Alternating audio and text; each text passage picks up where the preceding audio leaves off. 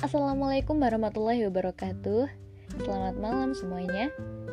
Jumpa lagi kepada saya Ayunda Cahya Di podcast Ngobrolin Hadis. Kali ini kita memiliki tema tentang perempuan Yang kita kaji dengan analisis sosiohistoris. Oke, yang dimaksud sosiohistoris itu apa sih? Analisis sosiohistoris itu adalah memahami hadis dengan memperhatikan, mengeksplorasi, dan mengkaji situasi atau peristiwa sejarah yang terkait dengan latar belakang munculnya hadis tersebut. Oke, analisis historis sangat penting mengingat apa yang kita sebut sebagai teks keagamaan termasuk koleksi hadis adalah bagian dari realitas tradisi keislaman yang dibangun oleh Nabi Muhammad Wasallam dan para sahabatnya dalam lingkup situasi sosialnya. Bila kita memahami hadis hanya secara tekstual yang dipisahkan dari asumsi-asumsi sosialnya, maka sangat mungkin akan terjadi distorsi informasi atau bahkan salah faham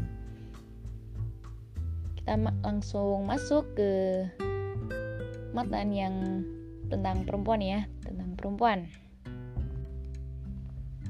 Jadi, sebelum datangnya Islam, dulu itu perempuan identik dengan barang. Bila terjadi akad hutang pihutang dan ternyata si penghutang tidak bisa membayarnya, maka perempuan bisa dijadikan sebagai penebus hutang perempuan itu bisa menjadi istrinya. Setelah memberikan kepada si pemilik piutang tersebut, maka dia mempunyai hak penuh atas perempuan tadi. Ia bisa bebas menjualnya, menjadikannya sebagai pemuas nafsu belaka, dan sebagainya. Jika si penghutang bisa melunasi hutangnya, baru kemudian perempuan tersebut boleh diambil kembali setelah dia memanfaatkan semuanya. Mayoritas intelektual dan sejarawan, terutama di kalangan Islam, berpendapat bahwa posisi perempuan pada masa pra-Islam sangat memprihatinkan. Keberadaannya seperti tidak ada, tidak memiliki independensi, serta tidak memiliki hak untuk dirinya sendiri. Hal ini tidak jauh berbeda dengan perempuan pada zaman Yunani kuno. Bangsa Athena kuno sangat memandang rendah terhadap kaum perempuan kaum Hawa hanya mereka anggap sebagai barang perhiasan yang dapat dijual belikan di pasar-pasar. Mereka menganggap bahwa perempuan adalah jelmaan setan jahat, najis, dan menjijikan. Para ahli sosiologi mengatakan bahwa pada zaman prasejarah, manusia hidup secara buas, hidup dalam kelompok suku-suku, dengan alasan yang tidak jelas. Tidak jarang, perkawinan dengan orang yang sederhana dipandang tabu.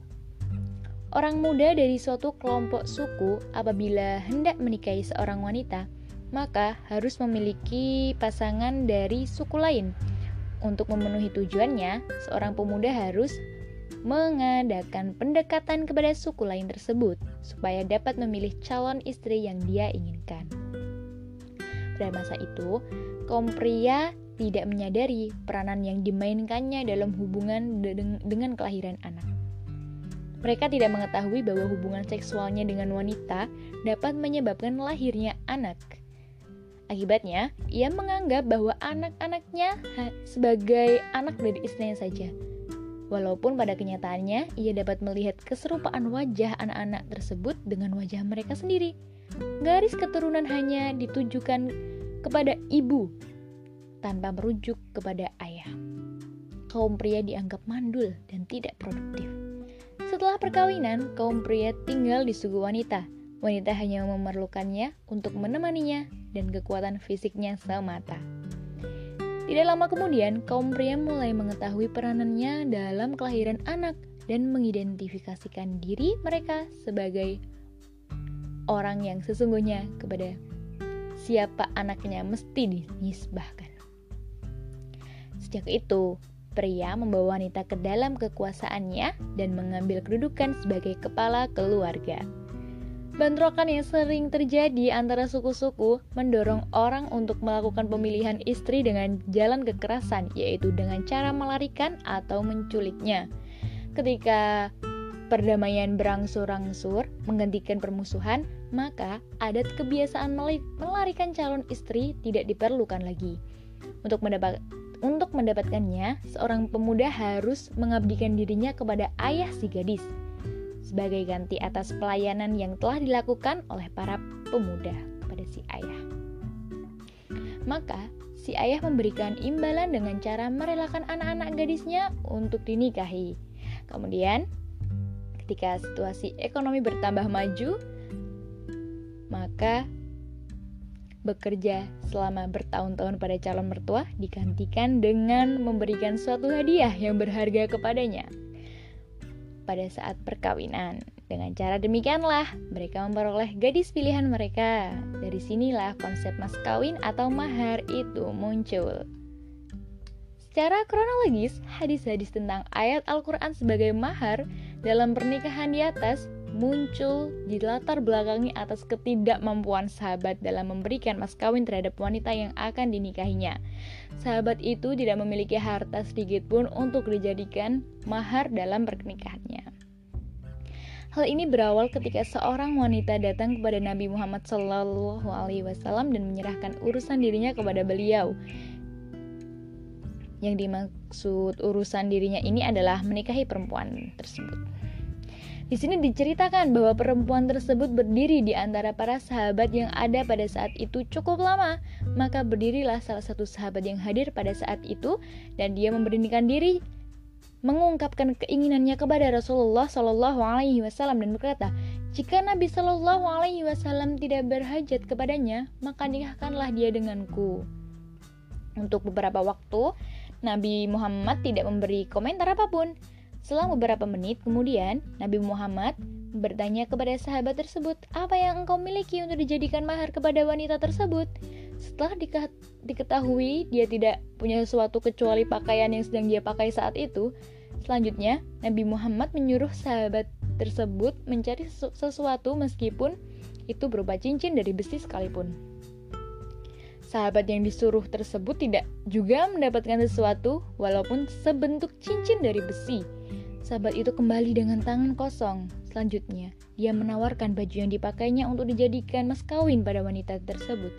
Akan tetapi, Nabi Muhammad tidak menyetujui, menyetujuinya karena dianggap tidak cukup jika harus dibagi dua dan alternatif terakhir yang diberikan oleh Nabi Muhammad SAW kepada sahabat tersebut adalah dengan beberapa ayat Al-Quran yang dia hafal. Alternatif terakhir inilah yang dijadikan sahabat tersebut untuk menikahi perempuan yang datang pada Nabi Muhammad. Dalam kitab hadis dan asbabul wurud al-hadis secara eksplisit tidak ditemukan secara pasti di mana kejadian itu berlangsung dan tidak pula disebutkan secara jelas siapa perempuan yang mendatangi Nabi Shallallahu Alaihi Wasallam. Namun dalam syarah Al Bukhari ditemukan data yang menyebutkan bahwa peristiwa berlangsung di dalam sebuah masjid. Wanita yang dengan berani menyerahkan dirinya kepada Nabi Muhammad disinyalir bernama Haulah binti Hakim yang dijuluki dengan Ummi Syarik. Nama ini dinukil dari nama orang yang memasrahkan dirinya kepada Rasulullah dalam surat Al-Ahzab ayat 50 disebutkan dan seorang wanita mukminah bila ia memasrahkan urusan dirinya kepada Nabi Muhammad Shallallahu alaihi wasallam itu bunyi ayatnya, potongan ayatnya.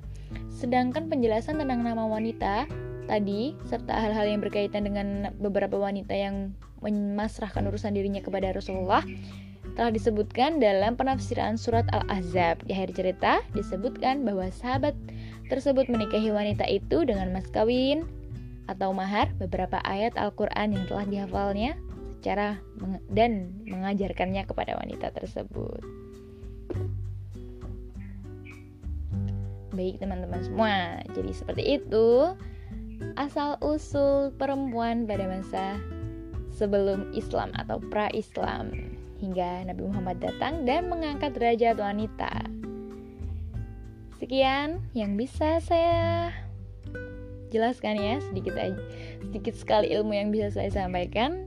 Semoga bermanfaat bila datang kebenaran itu dari Allah Subhanahu wa taala, bila datang kesalahan itu dari diri saya sendiri.